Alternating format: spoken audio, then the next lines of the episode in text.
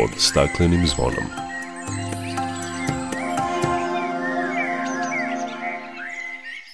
Dobar dan, dobrodošli na Zeleni talas prvog programa radija Radio Televizija Vojvodine. Ja sam Dragana Ratković.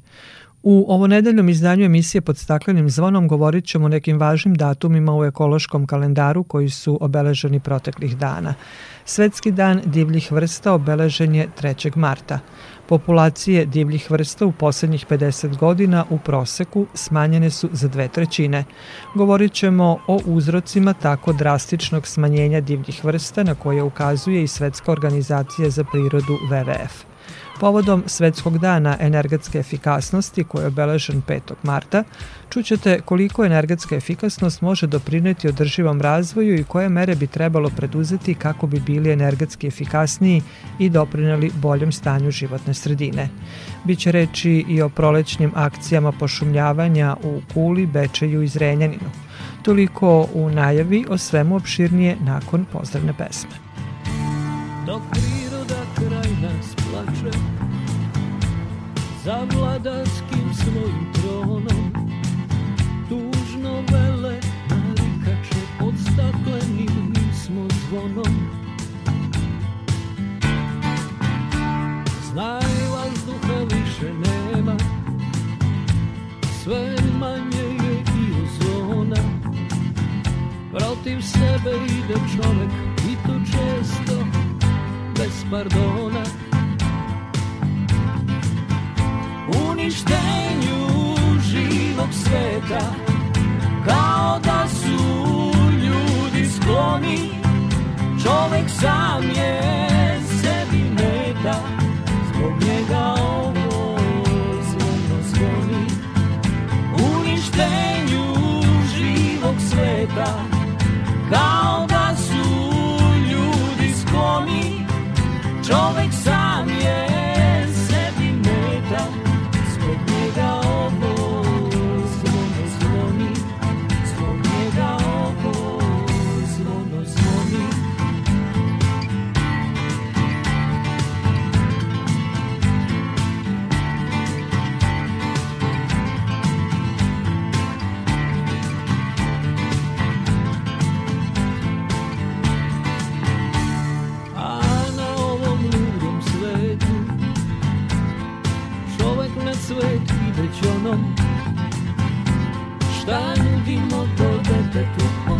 stakleni kad smo zvonom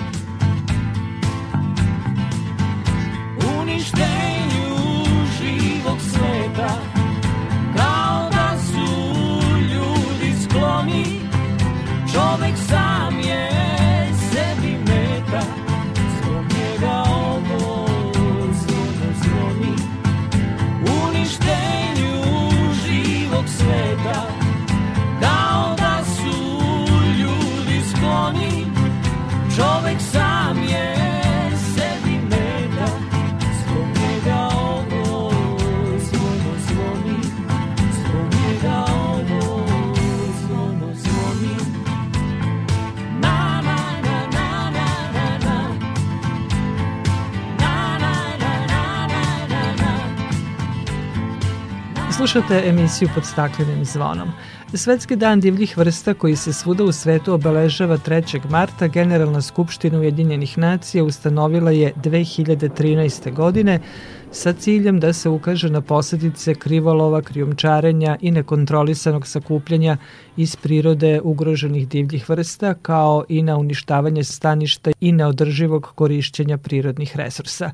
Svetska organizacija za prirodu upozorava na drastično smanjenje raznovrsnosti živog sveta na planeti, tim povodom i naš gost Goran Sekulić iz WWF Adrija u Beogradu. Gorane, dobrodošli na Zeleni talas Radio Novog Sada.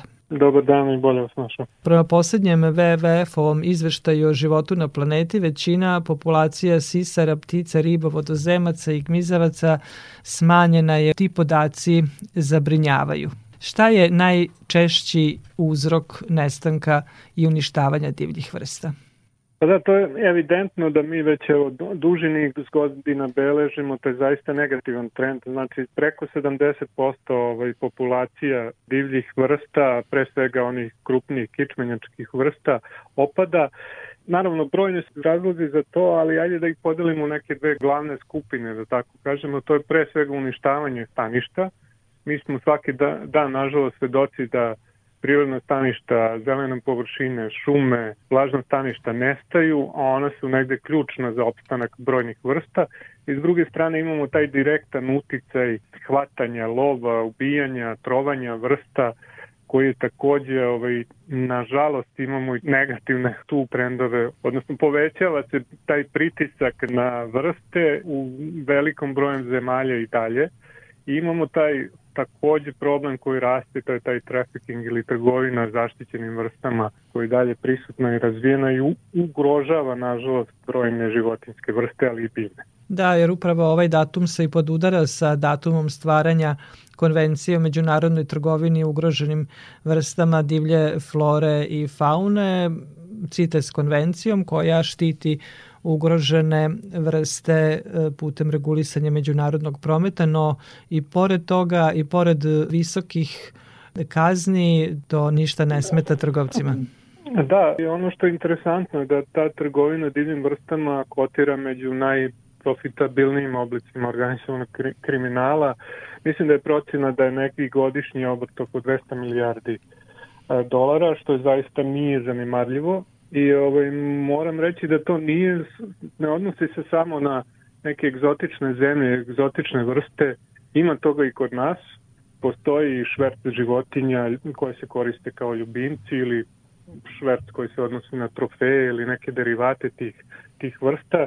Mi se nalazimo tu, graničimo sa zemljama koje su u Evropskoj uniji i to je na neki način ovaj, povojno krijumčarima divljih životinja, tako da postoji taj neki neki promet koji je u sivoj ili ilegalnoj zoni čak i koji se odvije između recimo nekih afričkih zemalja gde se kupuju divlje ptice, zatim se one kroz Srbiju dalje ovaj, usmeravaju ka drugim zemljama Evropske unije. Glavni moto ovogodišnjeg dana divljih vrsta je šume i egzistencija, opstanak ljudi i planete, dakle u fokusu je centralna uloga šuma. Jeste, svi smo vezani za šume, donekle svesni koliko nam one znače. Nažalost, kako je tih šuma manje, mi sve više i više postajemo svesni u stvari koliko od šuma i od šumske vegetacije zavisimo. I dalje imamo opet negativne globalne trendove, iako se tome mnogo priča i dalje, neko globalno stanje šuma nije povoljno, kako u pogledu površine i smanjenja njihove površine, tako i u pogledu kvaliteta tih šumskih ekosistema, odnosno njihove očuvanosti. Mi u Srbiji se držimo na nekih 30% pošumljenosti, što možda i nije, nije toliko strašno, ali je i dalje niže od nekog proseka u Evropsku uniji. Ono što je problem je što mi nemamo ujednačenu tu pokrivanu šuma drastično je manja, manja pošumljenost u Vojvodini. Moramo reći da ne možemo biti i zadovoljni trenutnim stanjem zaštite šuma kod nas. Šume nam mnogo znači iz više razloga. Znači oni imaju veliki broj funkcija koje nama kao ljudima daju dobro. S jedne strane je to naravno direktno korišćenje drveta kao resursa, ali imate brojni drugi stvari od zaštite biodiverziteta. Znači veliki broj to funkcija, nekako mislim da smo veliki deo tih funkcija koje nam zaista čine život ugodnijim bolji, da ne pričamo o nekim mikroklimatskim karakteristikama proizvodnje, naravno i seonika i vazduha kojeg dišemo, tako da nekako mi se čini da zanemarujemo te druge funkcije koje sve više i više dolaze do izražaja. Čak i šume koje se nalaze u zaštićenim područjima koji koje uživaju neki oblik zaštite, mi tu ne možemo biti toliko zadovoljni stanjem. Mi znamo da se u većini naših zaštićenih područja koristi drvo kao resurs, znači ona se sama finansiraju iz, iz eksploatacije drveta i šume, tako da neki apel je da u narednom periodu razmislimo o tim drugim funkcijama šuma, da to uzmemo u obzir prilikom njihovog planiranja, korištenja i zaštite. Mislimo da je važno da ovaj, na neki integralan, ceobuhvatan način sagledamo šta je to sve što nam što nam šume pružaju. Pored brojnih funkcija šuma, e, jedna od značajnih funkcija je što su šume stanište brojnih divljih vrsta.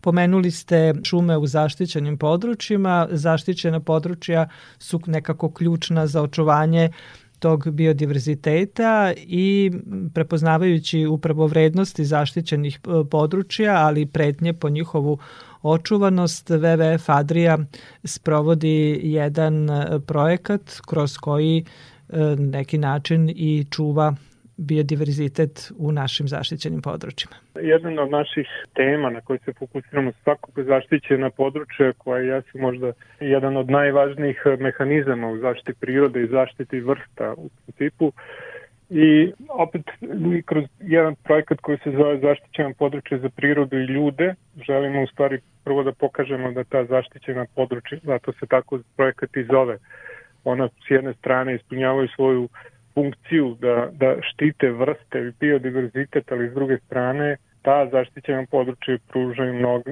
brojne usluge društvu u celini od, od kojih mi svi imamo koristi. To je ono što se često zanemaruje i upravo na tome želimo da to naglasimo i istaknemo. Nije stvar znači samo o zaštiti nekih vrsta koje tamo žive u tim staništima, nego i očuvanje tih a, ekosistema, zdravih ekosistema, zdravih prirodnih staništa koji u sebi zadrže visok biodiverzitet, brojne vrste koji opet nama pomažu za brojne stvari, od regulacije klime, regulacije i poplava, e, pružanja čiste vode i tako dalje i tako dalje. Brojne su zaista te funkcije i to ono što ove, nažalost i dalje pri donošenju odluka se dosta, dosta zanemarne.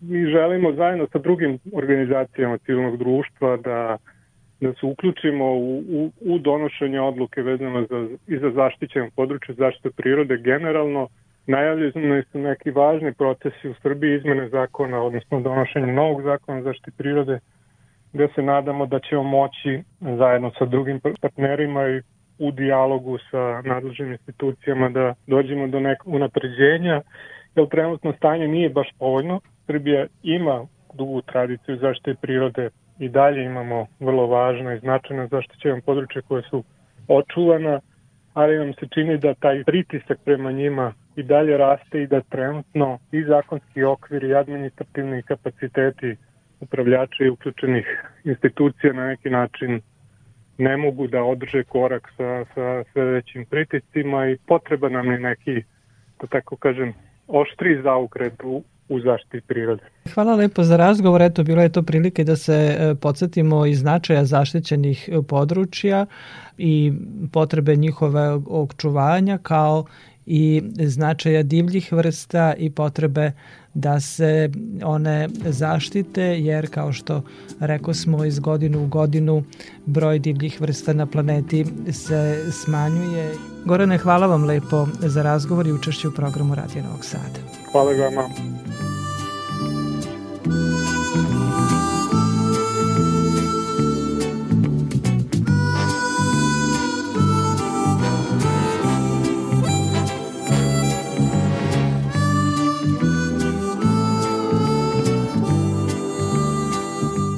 Povodom Svetskog dana divljih vrsta Društvo za zaštitu i proučavanje ptica Srbije objavilo je vest o sve češćem beleženju mladih jedinki orlova krstaša.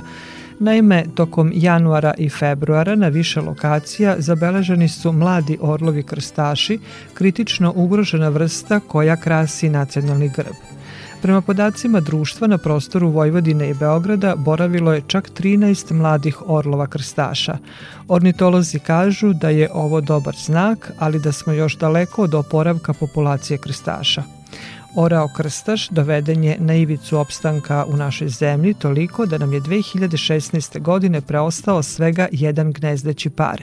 Zahvaljujući dugogodišnjim i upornim aktivnostima na zaštiti ove vrste, pre svega članova i volontera društva, u saradnji sa partnerskim organizacijama i institucijama, Srbija danas broji tri gnezdeća para orlova krstaša.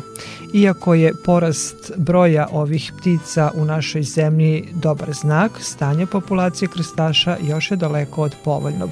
Učestali slučajevi stradanja ptica koje prouzrokuju ljudi kroz trovanje, ilegalno ubijanje, hvatanje, slučajeve elektrokucije i kolizije uzrokuju da gotovo svake sezone kod nas stradaju desetine orlova. Ipak podaci o brojnosti i kretanju nas ohrabruju i daju nadu da će uz aktivne mere zaštite doći i do porasta brojnosti naših krstaša, kažu u Društvu za zaštitu i proučavanje ptica Srbije.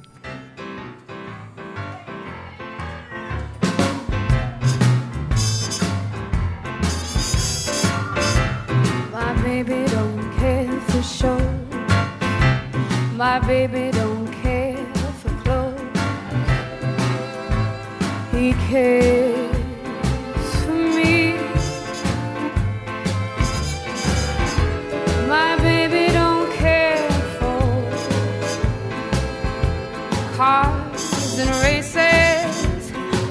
baby don't care for item places. Liz Taylor is not his star,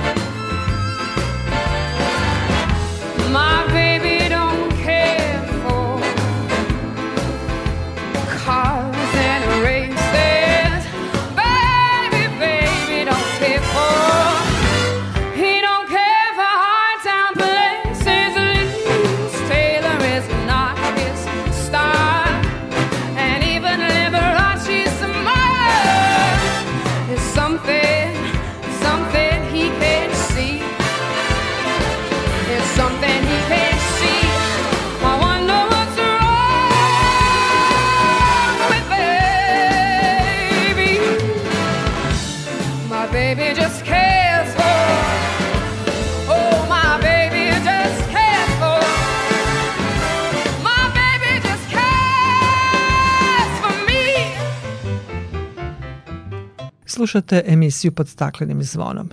Svetski dan energetske efikasnosti obeležen je 5. marta u čast prvog sastanka svetskih stručnjaka na temu energetske efikasnosti održanog na taj dan 1998. godine u Velsu u Austriji.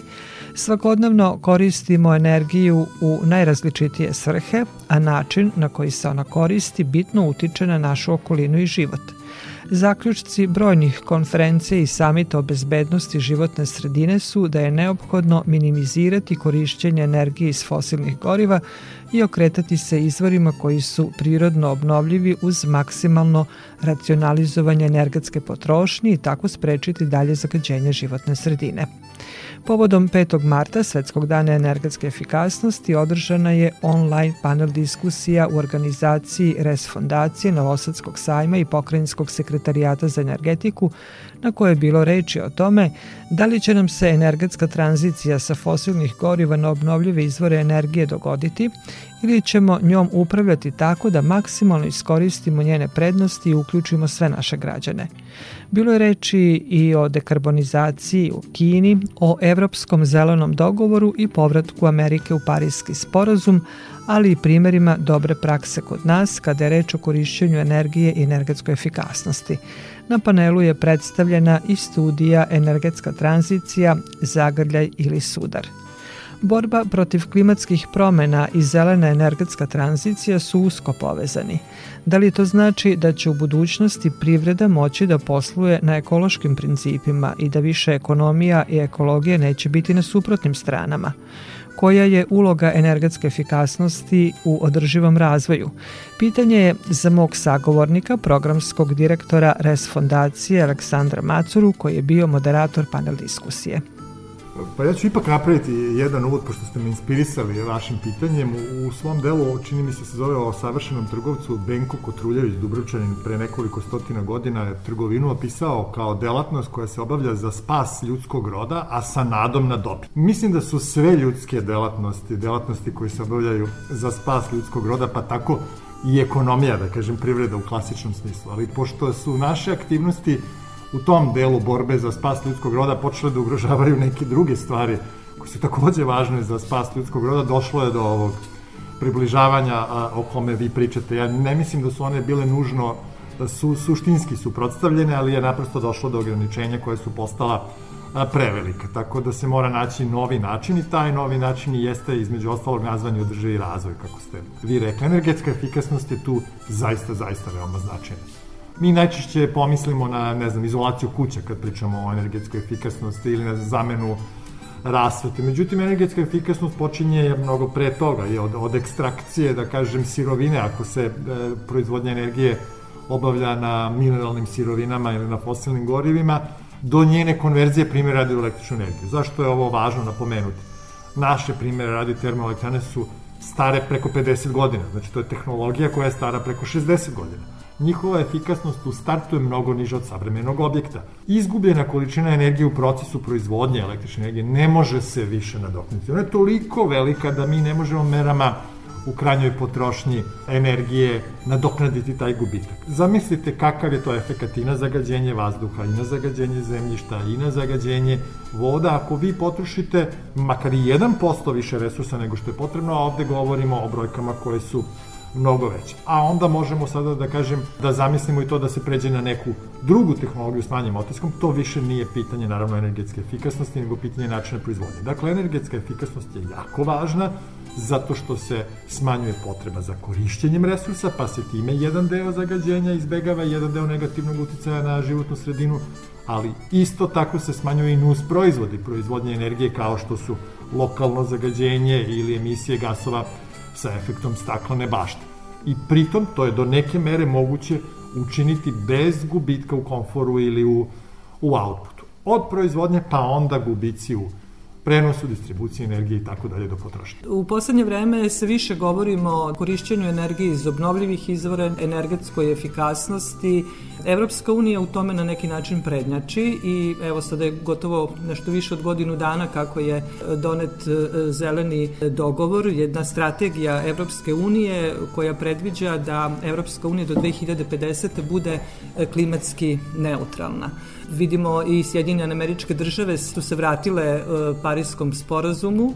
Kina je dala obećanje da će do 2060. biti klimatski neutralna, a tu smo negde i mi. Mi smo povisili našu granicu do 2030. Naši ciljevi su takođe povećani, a isto neki naš cilj do 2050. je da takođe budemo klimatski neutralni. Šta je sve potrebno uraditi i koje mere preduzeti da bi se ostvarili ti ciljevi? Sprovođenje zelenog dogovora pričamo o njemu, a možemo pričamo o Parijskom sporazumu kao krovnjoj priči, ili bilo kog takvog strateškog paketa podrazumeva promenu društva. Znači, to nije usputna delatnost, naročito u Republici Srbiji, a i u mnogim drugim zemljama sveta. Dakle, da bismo mi ispunili ciljeve zelenog evropskog dogovora, mi moramo promenimo naše društvo. Nema zelenog dogovora, nema dekarbonizacije, nema parijskog sporazuma bez izlaska iz lignita. Izlazak iz lignita nije zadatak koji se bilo kome dopada. Znači, to je daleko od jednostavnog zadatka. Ono što je, čini mi se dobra vest, da nije nama lignit napravio gospod Bog osmog dana stvaranja, nego ga je ovo društvo, neko drugo do duše, ali na ovoj teritoriji, pre 50 godina samo napravilo. I to u 10 godina. Znači, mi smo prošli kroz energetsku tranziciju između 1970. i 1980. kojim smo dobili elektroenergetski sektor koji danas imamo.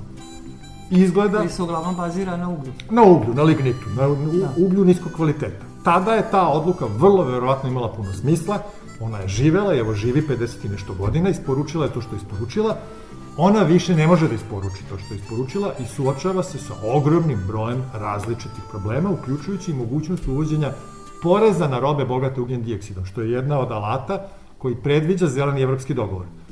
Nije 100% sigurno da će se taj alat primeniti, ali ako se primeni vaš trgovinski partner s kojim obavljate dve trećine svih trgovinskih transakcija, će možda početi da oporezuje vaše glavne izvozne proizvode. To je udarac u glavu direkt. Dakle, ne možemo da se ne bavimo ozbiljno ovim pitanjima. Ako se iz bilo kojih razloga mi dogovorimo sa sobom da nam je previše ambiciozno da pratimo to, mislim da moramo da imamo vrlo ozbiljan set strategija kako ćemo mi da se odbranimo od svega onoga što će biti paket sa zaostajanjem po ovom pitanju. Dakle, nije jednostavno pitanje, ali mislim da ovo društvo ima kapacitet da se sa tim pitanjem izbori, samo mora da se počne ozbiljno da se bori sa tim pitanjem. Jedan od načina da za ostvarivanje ovih ciljeva je i donošenje zakonodavnog okvira, Pre nekoliko dana je i vlada usvojila predlog zakona o klimatskim promenama koji je dugo čekao od maja 2018. godine da se nađe pred vladom. Evo sad je ovaj, došao u skupštinsku proceduru, a tu su i nekoliko značajnih zakona iz oblasti energetike, zakon o obnovljivim izvorima energije, energetske efikasnosti, zakon o energetici, a tu i zakon o rudarstvu. Zaista nikad ovaj, ovako intenzivna zakonodavna aktivnost za ovu temu od ogromnog značaja. Zakon o klimatskim promenama, usvajanje zakona je dobra vest, ali mislim da su fundamentalne promene su mnogo više vezane za ova četiri, ali tri ova zakona iz oblasti energetike koje ste pomenuli, pa tako izmene i dopuna zakona o energetici uvode i obavezu izrade integrisanog nacionalnog plana za klimu i energiju. To je dokument kroz koji ćemo mi morati da se opredeljujemo. Dakle, to je dokument kroz koji mi treba da kažemo ovo su naše ambicije i taj dokument da iskomuniciramo prema svima koje to interesuje, a pošto je pitanje klimatskih promjena globalno, onda to pitanje interesuje svakoga na ovoj planeti, a Sjedinjene američke države su to pitanje i proglasile pitanjem nacionalne bezbednosti. Dakle, taj zakon uvodi pojam i potrebu i obavezu donošenja integrisanog nacionalnog plana za klimu i energiju. Prema predlogu zakona treba da ga donese vlada. Mi smo jedini komentar na sve ove zakone koje smo uputili, uputili smo za, vezano za tu odredbu i smatramo da takvu vrstu plana koji predstavlja viziju ozbiljne transformacije društva mora da donose Narodna skupština. Zakon o efikasnom korišćenju energije, ima malo duži naslov, ali da ne pogrešim, i zakon o obnovljenim izvorima energije su dva nova zakona. Meni se čini otvaraju u, u zakonskom smislu mnoga vrata koja do sada nisu bila otvorena. Ja sam umereni optimista po tom pitanju, ali kao profesionalac u ovoj oblasti sa zanimanjem ću pratiti šta će se dešavati dalje. Posebno, ako smem da napomenem, za nas u Res fondacije od značaja to što se u zakonu o efikasnom korišćenju energije uvodi konačno i pojam energetskog siromaštva. Mislim da je to za nas i za našu životnu sredinu veoma važno, jer se kod nas stiče okolnost, da kažem, da ljudi koji iz objektivnih okolnosti ne mogu sebi da pribave dovoljno energije na kvalitetan način, istovremeno e, doprinose i zagađenju. Dakle, to nije ničija dobra volja ili odluka, a nekako naš dosadašnji strateški zakonski okvir, što je još najvažnije, javne pare nisu prepoznavale tu vezu uprkos tome što je ona nekako čini mi se vrišti uvođenjem pojma energetskog siromaštva, mislim da se stiču uslovi da pomognemo ljudima i pomognemo sebi. Ogroman je taj problema vezan je i za energetsku tranziciju, jer će vrlo verovatno rasti cene energije, a onda nam energetska efikasnost nudi puno, puno rešenja ako smanjimo potrebe za energijom. Nije ona čarobni štapić i dalje ćemo morati da pravimo neke teške odluke ali imamo, imaćemo posle donošenja ovih zakona, čini mi se, suštinski bolji zakonski okvir nego što smo imali ranije. Najviše energije koristi privreda, industrija i zgradarstvo. Koje su to mere koje evo sada možemo primeniti da bismo bili energetski efikasniji i pa- doprinjeli boljem stanju? Pa jeste, ajde, ja, ja bih se opet vratio na početak. Po meni najveća neefikasnost kod nas je u sektoru proizvodnje energije zapravo. Uverljivo, to se najčešće i prenebregne, ali mislim da je ta neefikasnost najveća i da nam je to da kažem, jedno od najvažnijih pitanja koje je svakako povezano i sa energetskom tranzicijom. Čini mi se da ima previše tu faktora koji ukazuju da ovaj model proizvodnje mora da se napusti. Proizvodnja, prenos, distribucija, puno, puno prostora za unapređenje energetske efikasnosti. Na strani privrede svaki proizvodni proces je proces za sebe, dakle, jako je teško ovaj, deliti univerzalna rešenja u tom smislu ono što jeste uvek dobro je pitanje standarda, znači standardizovana oprema, standardizovani procesi, Privreda koja posla na konkurentskom tržištu ima u svakom slučaju pritisak da optimizuje svoje troškove, pa tako i, i ovaj, troškove vezane za energiju. Naravno, ako privreda funkcioniše u nekom nekonkurentskom režimu pod bilo kakvom vidom e, zlatnog kišobrana koji daje država ili neko drugi, tu optimizacije troškova teško možda bude kroz management odluku, onda standardi mogu biti jedino rešenje. Primer standarda je da u Evropskoj uniji i u Republici Srbiji samim tim više ne postoji. Ne možete kupiti usisivač ili fen snage iznad određen jer je zabranjena proizvodnja takvih uređaja i to je najbolji lek za energetsku neefikasnost. Znači ništa ne može da se meri sa standardom. Sve je super, povećanje svesti i tako dalje, ali ako vi odete u prodavnicu i tamo ne možete da kupite loš uređaj, onda je stvar rešena na najbolji mogući način. Puno je povike na zgrade, može da se unapredi energetska efikasnost zgrada, možda je jeretički reći, ali ni ove ovakve zgrade naše nisu tako loše u evropskom smislu. One mogu naravno uz određenu dozu troškova da se prevedu u potrošnju koja je po 3, po 4, po 5 puta manja nego ova sada, ali nekako je ta povika čini mi se neopravdana. To nikako ne znači da ne treba i da, da se unapređuje i da ne može da se unapređuje. I treba i može. Grejanje jeste najznačajnija potrošnja energije u domaćinstvima. Na sistemu daljinskog grejanja vi ne odlučujete toliko o tome, ali na sistem daljinskog grejanja u Srbiji povezano oko četvrtina domaćinstava, tri četvrtine nisu. Mi u Srbiji imamo milion domaćinstava, čiji je glavni uređaj za grejanje, milion. Znači, domaćinstva čiji je glavni uređaj šporetna drva ili pećna drva, koji je 30% efikasan. Et, eto nas opet u proizvodnji energije. Znači, on je bukvalno 30% efikasan. To je energetski zločin, šumski zločin, e, životno-sredinski zločin, koji ne može uh, onaj koji je vlasnik tog uređaja sam da popravi u velikom broju slučaja. Ali zašto da u taj segment uh, da pomognemo tim ljudima naprosto boljim uređajem i da udvostručimo energetsku efikasnost istog takvog uređaja, a možemo. Gospodine Matura, hvala vam lepo za razgovor. Hvala vam najlepše.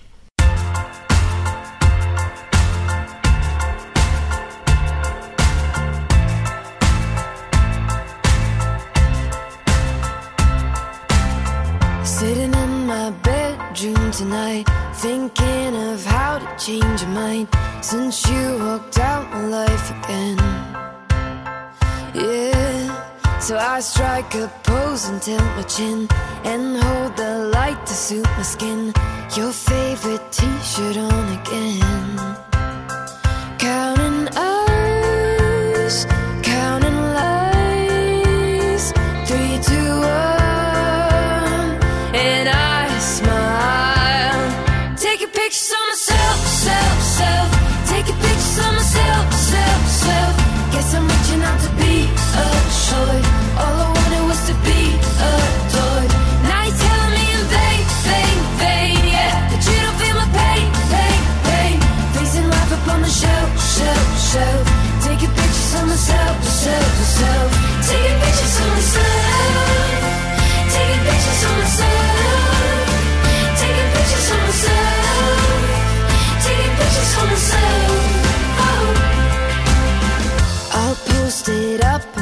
and white with a depressing quote on my life.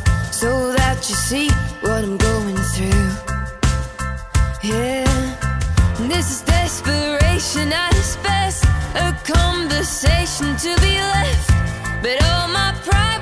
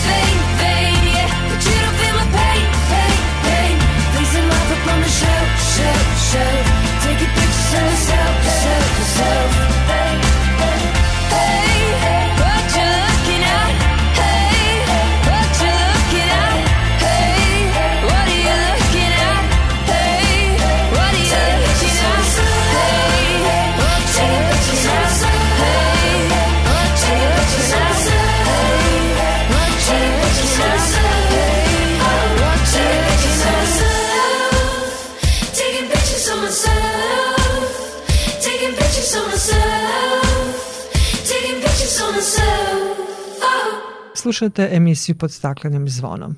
U Srbiji se reciklira tek 44% staklene ambalaže, u Severnoj Makedoniji 30%, a u Bosni i Hercegovini 12%, što je nedovoljno za uspostavljanje isplativog sistema reciklaže na Zapadnom Balkanu. Regionalni projekat upravljanje staklenom ambalažom na Zapadnom Balkanu proširen je na još osam opština u Srbiji, Severnoj Makedoniji Bosni i Hercegovini, a Sombor je prvi grad u Vojvodini i jedan od četiri grada u našoj zemlji koji je dobio specijalizovane kontejnere za prikupljanje staklene ambalaže.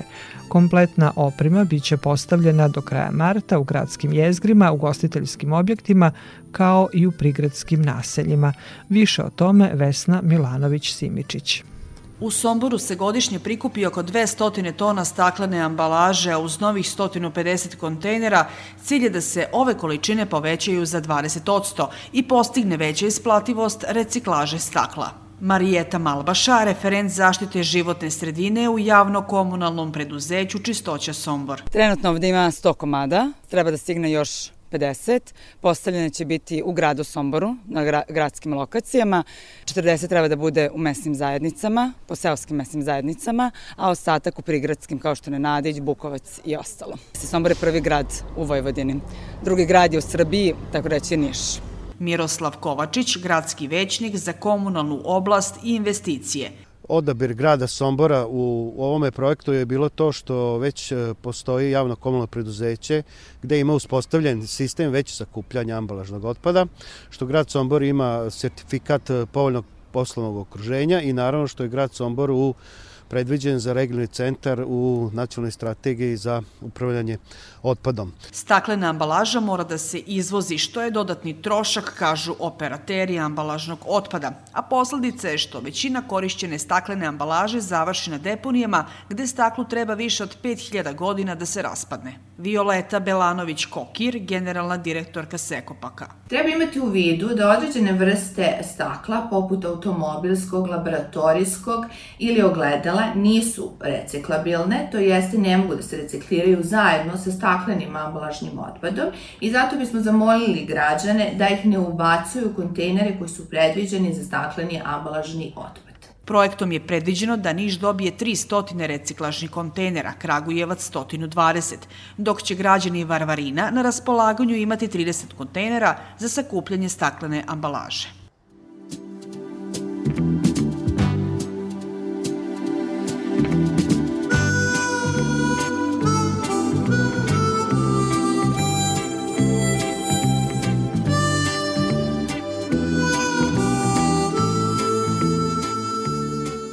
Nakon prikupljanja staklene ambalaže, Bečejsko preduzeće Potis je trudi se da društveno odgovornim poslovanjem pomaže stanovništvu i privredi, ali i očuvanju životne sredine. Naime, u tom preduzeću su prošle godine zasadili 450 sadnica, sve zahvaljujući uštedi na štampanju računa. Akciju će nastaviti i u ovoj godini, kaže direktor tog preduzeća Zoltan Feješ. Sva pravna lica u opštini Bečej od prošle godine od septembra meseca dobijaju elektronske račune, a građani koji su se dobrovoljno javili preko našeg portala, sajta i bilo kako potisju da žele da dobiju elektronske račune, dobijaju čak i popust, 10% prvih šest meseci u ovoj kalendarskoj godini na iznos računa. Cilj nam je da smanjimo upotrebu papira. Time što smo izvršili uštedu papira u toku prošle godine, a planiramo i ove godine, mi ćemo zasaditi sadnice drva. Jel, da bi napravili jednu tonu papira, vama treba da isečete oko 17 velikih stabala. Sad kad pomnožite to da ćemo mi uštediti ove godine 2-3 tone papire kroz štampanje računa, jer to ide negde preko 12.000 računa mesečno, pa to godišnje kad pomnožite vidite koja je to količina papira, mi ćemo to uspeti da uštedimo i na taj način ćemo sačuvati našu okolinu, a koliko uštedimo, još toliko zasadimo. Prošle godine smo zasadili 450 sadnica, ove godine u planu da mi obezbedimo 400 sadnica, najmanje sada po našim računicama kako stoji i ne znamo koliko ćemo dobiti donacije. Prošle godine smo mi uštedili vrednost 200 sadnica, a 200 sadnica nam je donirao Goranski rasadnik iz Subotice. Još 50 smo naknadno uzeli, pa smo u naseljeno mesto Mileševo Drljan posadili tih 50 sadnica. Na taj način smatramo da se ponašamo ipak društveno odgovorno jer čuvamo našu okolinu ne samo time što imamo nova vozila pa manje zagađujemo kroz izduvne gasove, nego i na taj način da štedimo papir pa ne moramo da sečemo sadnice.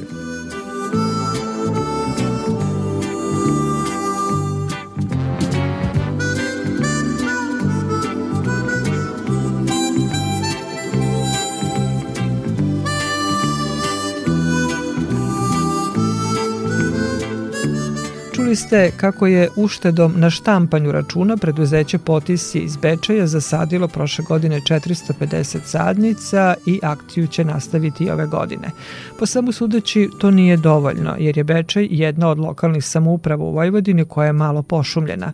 Upravo zagađen vazduh i sve manje zelenila neki su od razloga zašto su se građani okupljeni oko neformalne grupe Majdi Majdi Bečis organizovali i započeli akciju prikupljanja sadnica sa namerom da povećaju pošumljenost svoje opštine. Prva akcija prolećne sadnje zakazana je za subotu 13. marta, kada će u opštini Beči biti posađeno hiljadu novih sadnica belog jasena i drugih autohtonih vrsta. Zainteresovani sugrađani mogu da pomognu donacijom u vidu novca za kupovinu sadnica, poklanjanjem sadnica ili ustupanjem prostora u svom dvorištu na kom će rasti novo drvo.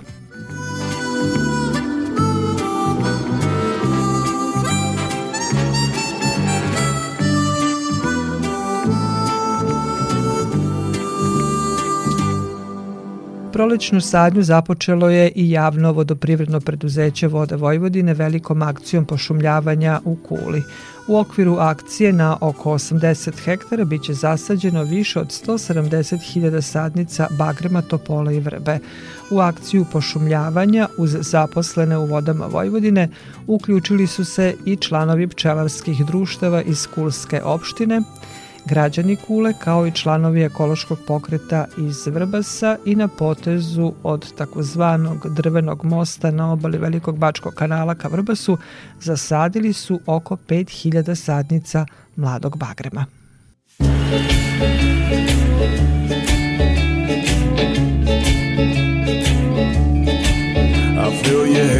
resting heavy on your single bed. I want to hear all about it. Get it all off your chest. Ooh, I feel the tears and you're not alone. No, when I hold you, well, I won't let go. Why should we care for what they're selling us anyway?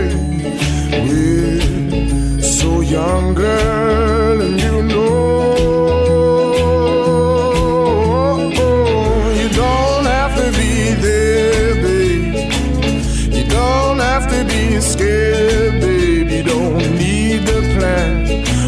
What you wanna do. Won't you listen to the man that's loving you?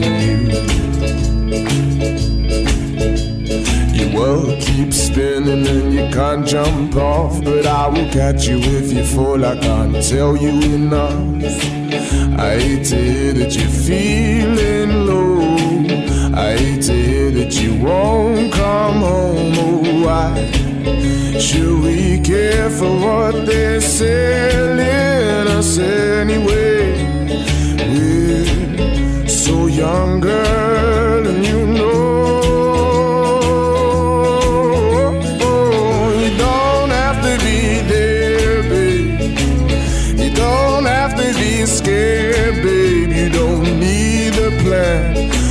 what you wanna do. Won't you listen to the man that's loving you? Whoa, whoa, whoa. Whoa, whoa, whoa.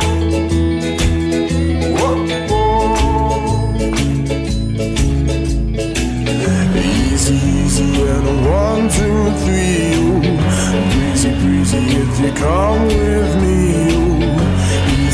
Ooh. Easy, easy, and a one, two, three, four, five, six, seven, eight, nine, nine, nine, nine. You don't have to be there, babe.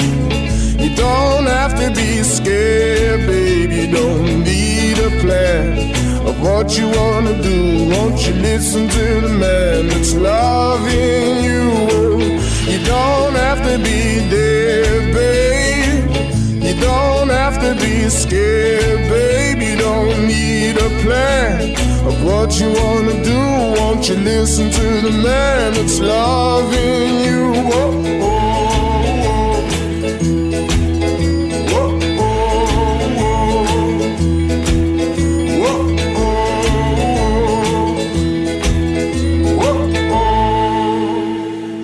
Slušate emisiju pod staklenim zvonom i u nastavku govorimo o akcijama ozelenjavanja u Zrenjaninu.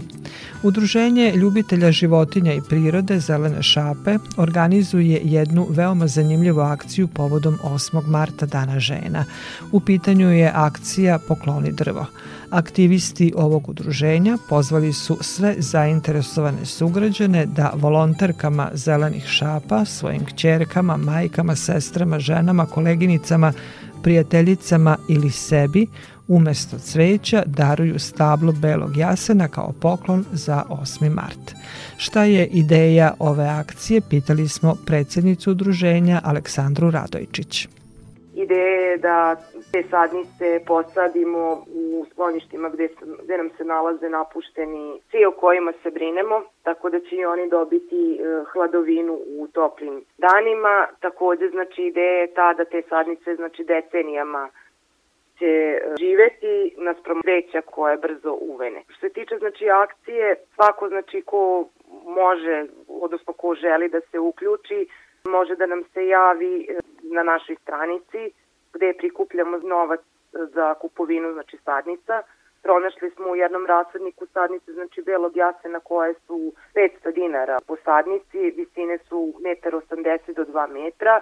Svako znači ko daruje sadnicu, mi tu sadnicu posadimo i svaka sadnica će dobiti ime drage osobe koja je namenjena, odnosno jednu pločicu koja će biti na svakom drvetu i u suštini to je cela ideja da uokvirimo ovaj priču za 8. marta, ujedno znači eto svako novo drvo koje posadimo je još jedan život, čistiji vazduh, čistija priroda i to je u suštini to. Aleksandra, pored ove akcije povodom Dana žena, da li planirate neke druge akcije sadnje tokom proleća? E, to svakako, znači imat ćemo još par akcija, ovo je sad konkretno, znači za 8. mart, ali ovaj planiramo planiramo bar još dve tri akcije tokom ove godine. Tu će verovatno biti ovaj pošumljavanje obale reka. Usim sve zavisi koliko ovaj budemo skupili novca, toliko ćemo kupovati sadnice i toliko ćemo saditi. Hvala Aleksandra. Hvala vama, prijatno.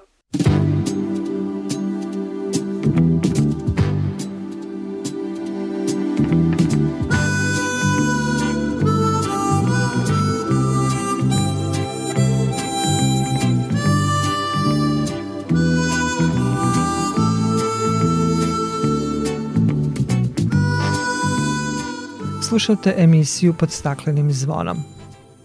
Pokrajinski sekretarijat za urbanizam i zaštitu životne sredine školama tradicionalno dodeljuje nagrade za učešće u programu Zelen borac za čistije i zelenije škole u Vojvodini. Više o tome Isidora Bobić. Reč je o projektu koji od 2009. godine za cilj ima ekološku edukaciju dece. Umesto tradicionalnih nagrada koje podrazumevaju izlete u prirodi, 28 škola će ove godine dobiti poklone u vidu ekoloških korpi, objašnjava Brankica Tabak iz Pokrajinskog sekretarijata za urbanizam i zaštitu životne sredine. Te ovaj paket 28 nagrađenih škola u prošloj školskoj godini za učešće u našem programu Zelen borac za čistije i zelenije škole u Vojvodini, a preostale škole koje su u prošlom ciklusu bile prijavljene za učešće, imaće takođe mogućnost, odnosno ovaj put im mi to dostavljamo, literaturu koju smo podkrepili od našeg sekretarijata, ali i gradskog sekretarijata za zaštitu životne sredine. Time hoću reći da je ovo jedan poseban dan jer kažu da je radost najveća u darivanju, a mi to upravo danas činimo. I posebno bih se najpre zahvalila svim vaspitno-obrazovnim kadrovima u Srbiji, posebno na teritoriji autonomne pokrajine Vojvodine, što svu ovu situaciju prevazilaze na jedan maestralan način sa velikom verom i prenose i deci tu energiju jer oni i dalje rade na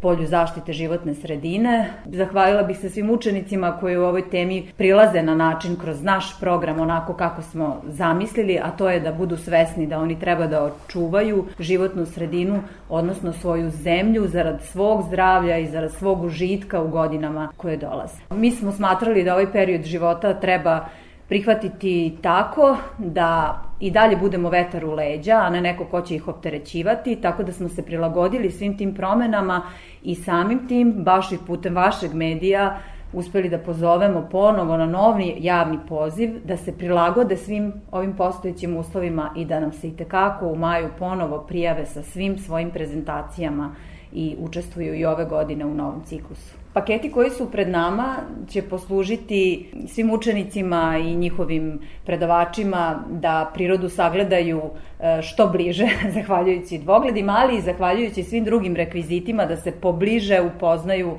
sa prirodom, uz naravno adekvatnu propratnu literaturu koja će njima dati smernice koji je to najbolji način da se te radionice, čemu ovi cegeri ekološki imaju i srhu, e, sprovedu u delo. Te kako možemo da nađemo alternativu kada znamo da nismo u situaciji da realizujemo izlete, ali se zato nadamo da ćemo u novom ciklusu, odnosno od juna meseca, biti u mogućnosti da se vratimo našim tradicionalnim nagradama.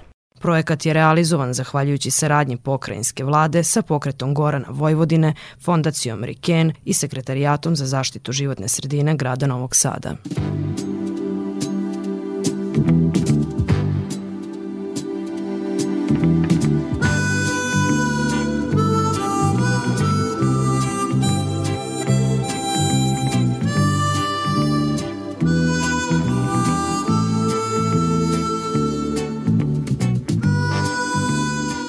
Toliko u ovo nedeljnom izdanju emisije pod staklenim zvonom koju možete slušati i odloženo na podcastu Radio Televizije Vojvodine na adresi rtv.rs.